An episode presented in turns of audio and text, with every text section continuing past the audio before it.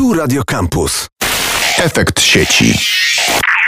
Witam w kolejnym odcinku Efektu Sieci. Dziś rozmawiać będziemy o badaniach eye trackingowych, czyli śledzeniu ruchu naszych oczu na różnych stronach internetowych, urządzeniach elektronicznych, ale nie tylko. O tym, jak wyglądają takie badania, jak się je prowadzi i co z nich wynika, porozmawiam z dzisiejszym znakomitym gościem, a jest nim pan profesor Tomasz Gackowski, kierownik Laboratorium Badań Medioznawczych na Wydziale Dziennikarstwa, Informacji i Bibliologii Uniwersytetu Warszawskiego. Dzień dobry, panie profesorze. Dzień dobry pani, dzień dobry słuchaczom. Są różne sposoby badania i przyglądania się aktywności e, użytkowników sieci. I ostatnio na popularności zyskują badania okulograficzne, czyli ten nasz eye tracking, o którym już wspomniałam na początku. Natomiast e, historia eye trackingu jest chyba znacznie dłuższa niż tych ostatnich kilka lat. Gdzieś doczytałam się do informacji, że te pierwsze badania okulograficzne prowadzone 100 lat temu iście drakońską metodą podłączania drutu do um, rogówki badanego i na na podstawie pomiarów różnych takich bardzo prymitywnych urządzeń wyłapywało się informacje o naszym, e, o, o tym, gdzie patrzymy i co z tego wynika. Oczywiście takich delikwentów znieczulano, wtedy to była kokaina, dzisiaj nie polecamy takich metod, no ale chyba te badania dziś prowadzi się jednak inaczej i miejmy nadzieję, że są już y, bardziej humanitarne dla badanych. Jak to dziś wygląda, panie profesorze? No na samym wstępie muszę, muszę oczywiście uspokoić wszystkich potencjalnych respondentów i uczestników takich badań, dlatego że badania okulograficzne mm, są badaniami e, absolutnie nieinwazyjnymi. To znaczy, że w ogóle nie dotykamy oczu i w ogóle nie dotykamy respondenta. To tak uspokajając gwoli ścisłości, natomiast rzeczywiście początki, jak to mm, w wielu wypadkach, w wielu mm, urządzeniach, które pozwalają pomiarować ludzkie ciało, no rzeczywiście były, były surowe, były wymagające i były też bolesne. Dzisiaj na szczęście takich sytuacji już nie mamy. Dlaczego tak bardzo ważny jest dla nas wzrok i dlaczego od dawien dawna zajmujemy się jego śledzeniem i jego badaniem? Wzrok po prostu jest naszym prymarnym zmysłem, podstawowym, najważniejszym, takim, który pozwala nam zgromadzić największą liczbę informacji wokół nas. Jest głównie odpowiedzialny też za tak zwane widzenie kognitywne, czy odczuwanie kognitywne otaczającego nas świata. To znaczy, bez wzroku jest nam znacznie trudniej dostrzec wiele rzeczy, ale także i mieć poczucie bezpieczeństwa, dlatego że może warto też powiedzieć na samym wstępie, że e, badanie wzroku przede wszystkim sprowadza się do badania tak zwanego widzenia centralnego widzenia, które charakteryzuje się najwyższą rozdzielczością, jest dokładne, precyzyjne, czyli tak naprawdę jest to to widzenie, które mm, pozwala nam spokojnie odczytać e, jakąś reklamę znajdującą się na billboardzie, przeczytać określony tekst. Nie jest to widzenie peryferyjne, tak zwane orientacyjne, które też jest e, wokół nas, jest kluczowe dla nas, dlatego że kiedy spoglądałbym na panią, gdyby były takie czasy, abyśmy mogli się widzieć w studiu, to ja oczywiście oprócz tego, że widziałbym kolor pani oczu, kolor pani włosów, bym widział wyraz pani twarzy, widziałbym też wszystko to, co się dzieje wokoło, ale w takim ograniczonym znaczeniu, że byłoby to nieco rozmazane, bo byłoby to widzenie właśnie peryferyjne, natomiast ono jest o mhm. tyle ważne, że na przykład broni nas przed sytuacjami zagrożenia, gdyby ktoś nas chciał czymś rzucić, albo działoby się coś nagłego, to jest właśnie to widzenie, które mówi nam, hej, może obróciłbyś głowę w tę stronę, bo tam się dzieje coś ważnego i wtedy widzenie centralne mm, rzeczywiście skupia mm, naszą uwagę i daje nam to kognicję, to poznanie. No więc okulograf, o którym to urządzeniu będziemy pewnie dzisiaj mówić, właśnie analizuje to widzenie centralne. Analizuje przede wszystkim plamkę, tak zwaną żółtą, która znajduje się na siatkówce, gdzie mm, ta plamka jest najeżona, najbardziej zagęszczona czopkami, które odpowiadają za no, nie mniej jak 50% istotności widzenia centralnego. I dzięki temu jesteśmy w stanie dowiedzieć się nie tylko to, co osoba spostrzegła, zobaczyła, jak długo patrzyła, ale też wysoce prawdopodobne jest to, że możemy przypisać temu widzeniu rozumienie, czyli coś naprawdę tą osobę zainteresowało i przytrzymało jej uwagę na dłuższy, dłuższy moment. I taka informacja w dobie nieustającej niewiary w to, że mówimy do siebie szczerze, że w deklaracjach, w ankietach, podczas grupowych wywiadów pogłębionych, podczas zindywidualizowanych wywiadów pogłębionych. Nie mówimy do końca prawdy o sobie samych i o świecie, tylko mówimy o pewnej kreacji samych siebie w tym świecie, właśnie badania biometryczne, badania behawioralne, do których możemy zaliczyć badania okulograficzne, zyskują ostatnimi dekady na znaczeniu, dlatego że chcielibyśmy rzeczywiście wiedzieć, co jest dostrzegane i jak jest to rozumiane nie na poziomie deklaracji, ale na poziomie też odczuwania tylko tutaj już wchodzimy w trochę inne też metody, szersze, a jednak dzisiaj się skupimy przede wszystkim na okulografii. Czyli rozumiem, że tą wartością dodaną, bo o to też chciałam zapytać, e, ponad inne metody badań, czy to marketingowych, czy społecznych, to jest właśnie dotarcie do tej prawdy najprawdziwszej, już mówiąc klasykiem, tak? Czyli nie to, co respondent nam zadeklaruje, że widzi, tylko rzeczywiście jesteśmy w stanie e, z badań okulograficznych wyciągnąć informacje na ten temat, co on faktycznie widzi, co znajduje się w jego e, spektrum wzroku. Jakie wartości dodane jeszcze można z takich badań wyciągnąć? Co na przykład dla pana profesora, jako badacza na Wydziale dziennikarstwa e, jest istotne. Co wynika z tych badań, które Pan prowadzi? Badania okulograficzne są kluczowym narzędziem do określania e, przyjazności różnego rodzaju interfejsów technologicznych. To znaczy, że jesteśmy w stanie na podstawie badań okulograficznych, które możemy robić w modelu stacjonarnym, czyli takim, kiedy ktoś siedzi przed komputerem i patrzy na określony monitor, ale także i w modelu mobilnym, kiedy to tak naprawdę nasza rzeczywistość jest jedną wielką sceną, którą badamy. Jeśli tak, jeżeli nie mamy ograniczenia co do miejsca i czasu realizowania takiego badania, no to jesteśmy w stanie monitorować mm, oczy naszych respondentów w dowolnych warunkach. To jest też bardzo ważne, że jak to się robi, no to przede wszystkim mm, te okulografy mają określoną liczbę herców, a więc liczbę próbek pobieranych z oka w każdej sekundzie. I głównymi narzędziami, które używamy, czy metrykami, które są stosowane w badaniach okulograficznych, są oczywiście fiksacje i sakady. Jeszcze może opowiem, co to znaczy, te obco brzmiące terminy. Fiksacje to są tak zwane pseudo zatrzymania wzroku. Mówię pseudo, dlatego że tak naprawdę nasze oczy nigdy nie są w miejscu, ślizgają się, mają tak zwane drifty, mają tak zwane drżenie, tremory. No i te to oczy właśnie w tych miejscach, gdzie mamy zidentyfikowane fiksacje, w tym miejscu okulograf nam mówi, aha, tutaj był jakiś punkt, jakiś atraktor, jakieś miejsce, na którym ten wzrok spoczął na jakąś jednostkę czasu, na sekundę, dwie, trzy. To też w ogóle jest proporcjonalnie zależne od wielkości bąbelka, który w tym wypadku jest malowany na naszym ekranie, kiedy analizujemy już wyniki i wnioski. Z kolei sakady to są ścieżki łączące, czyli wszystko to, co się dzieje pomiędzy tymi przeskokami, pomiędzy tymi tak zwanymi pseudo-zatrzymaniami.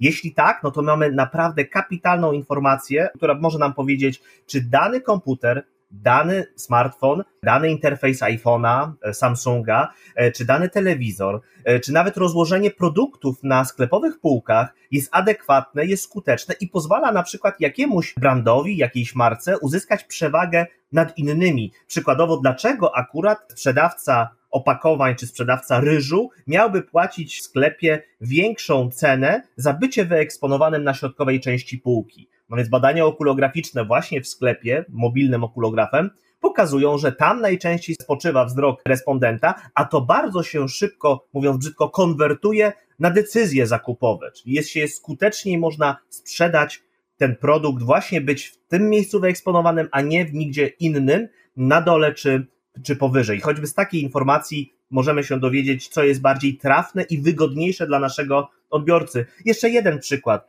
Deski rozdzielcze w samochodach. Dzisiaj nie ma już możliwości zorganizowania budowy prototypu nowego samochodu, dajmy na to, nie wiem, marki Volvo, marki Mercedes, Ford, czy dowolnie innych, oczywiście te marki premium bardziej na to zwracają uwagę, bez badań okulograficznych w zakresie testowania desek rozdzielczych i sposobu zaaranżowania przestrzeni w ramach samochodu poprzez projektanta, który jednak kieruje się poczuciem estetycznym, doświadczeniem, prawidłami i zasadami rządzącymi się na rynku, które są później weryfikowane poprzez odczucia tej osoby, tego kierowcy, który testuje taki oto prototypowy samochód z taką, a nie inną deską rozdzielczą i widzimy, na ile efektywnie jest w stanie manewrować między konsolą obsługi, dajmy na to zestawu multimedialnego, z zestawem potrzebnym mu do kierowania samochodem, czy jest to bezpieczne, ile czasu spogląda na poszczególne elementy, czy one są rozpraszaczami, czy też może zachęcają do jakiejś ponadwymiarowej aktywności, połączone z wywiadem tej osoby, z nagraniem tej osoby, też jak ona się zachowywała,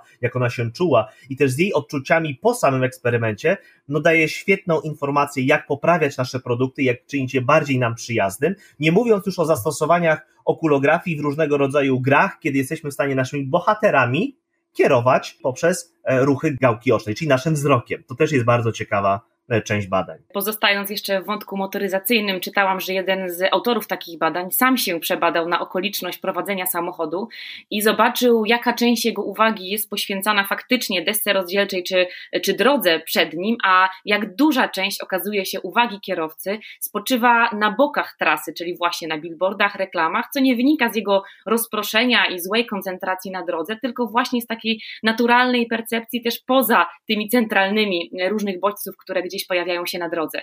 Ale poza mapami ciepła, o których pan profesor wspomniał, poza mapami fiksacji, czy tymi rejonami zainteresowań, czy też sakadami, które e, gdzieś oznaczają nam te drogi e, wzroku na produktach czy na półkach sklepowych, no istotne są też takie elementy zachowania samego oka, jak na przykład mruganie, czy też rozszerzanie źrenic. Jak to można badać i co tutaj może nam powiedzieć na przykład częstotliwość naszego mrugania, czy też zmiana kąta patrzenia na jakieś produkty o naszym naszym nastawieniu do tych przedmiotów czy do tych produktów. Ja bym generalnie powiedział o takiej zasadzie, że trochę parafrazując e, znaną definicję encyklopedyczną konia, jaki jest koń wszyscy widzą, i tak samo jest ze wzrokiem. Jaki jest wzrok wszyscy widzą? A warunki patrzenia, to ile ktoś razy mruga lub nie mruga, nie mają większego znaczenia co do efektywności pomiaru jako takiego. Oczywiście wtedy, kiedy mamy do czynienia z tak zwanym zjawiskiem opadającej powieki, zmęczonego oka, zbyt długich rzęs, które mogą być naturalnie piękne, długie, a więc w konsekwencji powodują w momencie mrugania taki lekki drganie tej rzęsy, która utrudnia okulagrafowi pomiar, to są, bym powiedział, zaliczyłbym to do warunków eksperymentu, do ograniczeń związanych z próbkowaniem z oka, które może w tym wypadku im jest ono niższe, tym badanie jest mniej trafne. Jeżeli chodzi o zaś o kąty patrzenia, to zwrócę znów uwagę, dlatego tak bardzo ważne jest to, że my skupiamy się w okulografii na widzeniu centralnym. Kąty by miały znaczenie, zwłaszcza wtedy, kiedy chcielibyśmy wnioskować o widzeniu peryferyjnym, które nie jest przedmiotem badania mm, w przypadku mm, badań okulograficznych. Natomiast widzenie centralne warunkuje zakresy funkcjonowania, zakresy obserwacji, którą mamy w przypadku widzenia orientacyjnego. Są takie eksperymenty, w którym na przykład skoczkom e, olimpijskim, którzy wykonują różne powietrzne akrobacje, montuje się na przykład elektroencefalograf, czyli urządzenie do badania bioelektrycznej aktywności mózgu, wraz z okulografem mobilnym, który jest przytwierdzany do głowy mocną, jakby taką gumką, a następnie ta osoba wykonuje różne akrobacje. Po co my to robimy? Ano patrzymy też, którym miejscu dany sportowiec powinien kierować, czy jakby stymulować swój wzrok, żeby widzenie centralne znajdowało się w jakimś punkcie, po to, żeby łatwiej mógł mieć punkt odniesienia do wykonywania tych akrobatycznych różnych wyskoków i pozwoli mu to w konsekwencji wylądować w miejscu, w którym powinien. A to się z kolei przekłada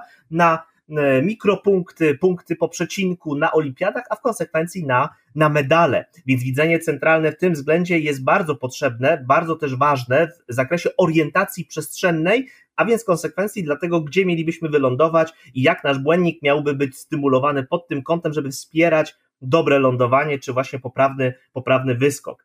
Więc to, to, to też tego typu badania są prowadzone. Może też warto powiedzieć o jednej rzeczy, że blisko 6% całej populacji według różnych badań ma problemy z kalibrowaniem się względem określonego okulografu. I to nie wynika z tego, że oni mają jakąś wadę wzroku, czy coś jest z nimi po prostu nie tak, tylko to wynika z pewnych ograniczeń technologicznych i tak po prostu niektóre osoby mają. I tutaj bez względu na to, czy są w okularach, szkłach kontaktowych, niektóre osoby się źle kalibrują. To znaczy okulograf nie jest w stanie ich zidentyfikować podczas kalibracji i tak po prostu jest nie wiem, czy to dobrze się dobrze kalibrować, czy lepiej jest się źle kalibrować i umykać tym, e, tym badaniom. No właśnie, z perspektywy e, konsumenta, czy też e, członka społeczeństwa, panie profesorze, czy mamy się obawiać tych badań? Czy to jest tak, że ten wielki brat wnika już we wszystkie aspekty naszego życia i powinniśmy być co najmniej wstrzemięźliwi? Czy właśnie cieszyć się, że coraz więcej o sobie się dowiadujemy i dzięki takim na przykład metodom jak okulografia czy eye tracking możemy lepiej poznać nasze procesy decyzyjne, procesy zakupowe i na przykład przykład korzystanie z urządzeń, o czym pan profesor już wspomniał. Ja raczej jestem po tej jasnej stronie mocy. Uważam, że znacznie więcej jest korzyści niż ograniczeń wynikających z korzystania z okulografii. Nie, nie dziwota, że na przykład Apple zdecydował się bodaj już 2,5 roku temu wykupić firmę niemiecką SMI, produkującą jeden z najlepszych, wyrafinowanych okulografów. Tak e, muszę się przyznać, że byłem jednym, chyba moje laboratorium było jedną z tych, które wykupywało na stoku europejskim jeden z ostatnich okulografu SMI 250 Hz RED, bo już później nie można było składać zamówień, dlatego że SMI rzeczywiście został wchłonięty przez Apple'a. Ale po co został wchłonięty?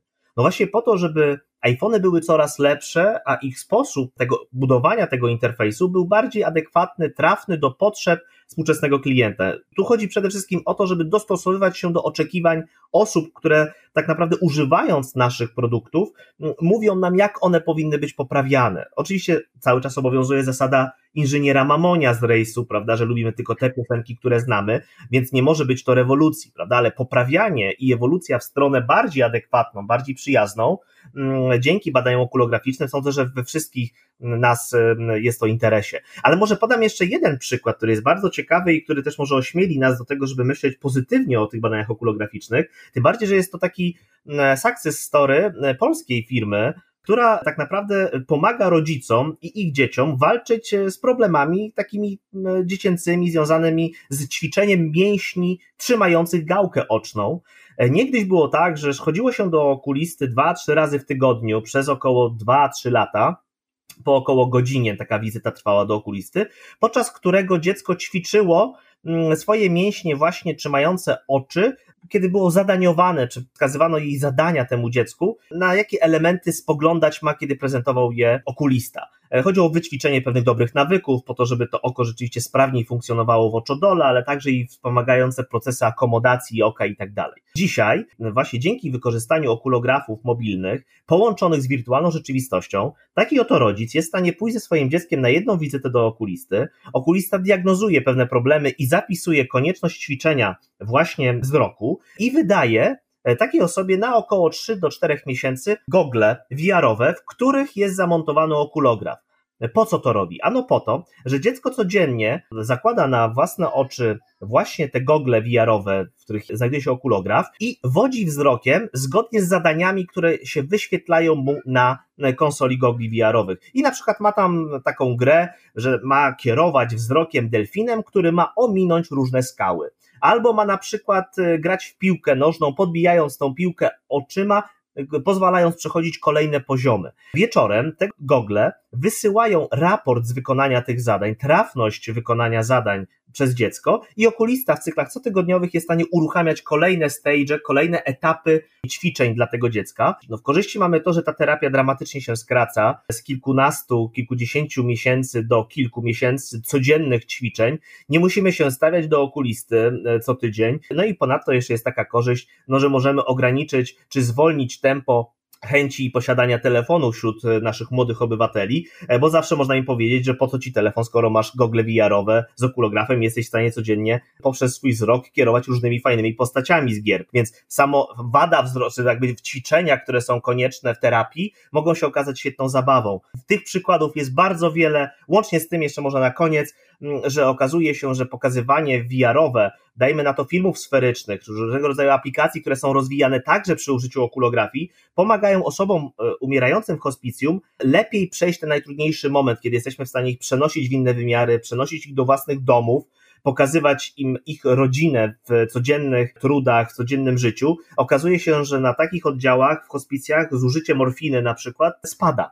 Więc zastosowań jest bardzo wiele, i sądzę, że one są, mają generalnie wymiar pozytywny, a nie negatywny. No niesamowite są te historie, e, które pan profesor opowiada, bo rzeczywiście to czysty, żywy przykład na to, jak e, technologia potrafi pomóc człowiekowi i to w takich bardzo nieoczywistych kontekstach, bo e, wyszliśmy od rozmowy o badaniach marketingowych i kupowaniu ryżu w sklepie spożywczym, a kończymy na, no, na takich sytuacjach bardzo trudnych. Mówi pan o hospicjach, mówi pan o, też o medycynie, która towarzyszy nam na co dzień, a dzięki chociażby rozwojowi technologii eye trackingu może być przyjemniejsza, łatwiejsza, bardziej strawna, ale też może i bardziej skuteczna w takim najbardziej e, codziennym wydaniu. Panie profesorze, pewnie do eye trackingu jeszcze wrócimy, bo e, myślę, że moglibyśmy słuchać Pana godzinami.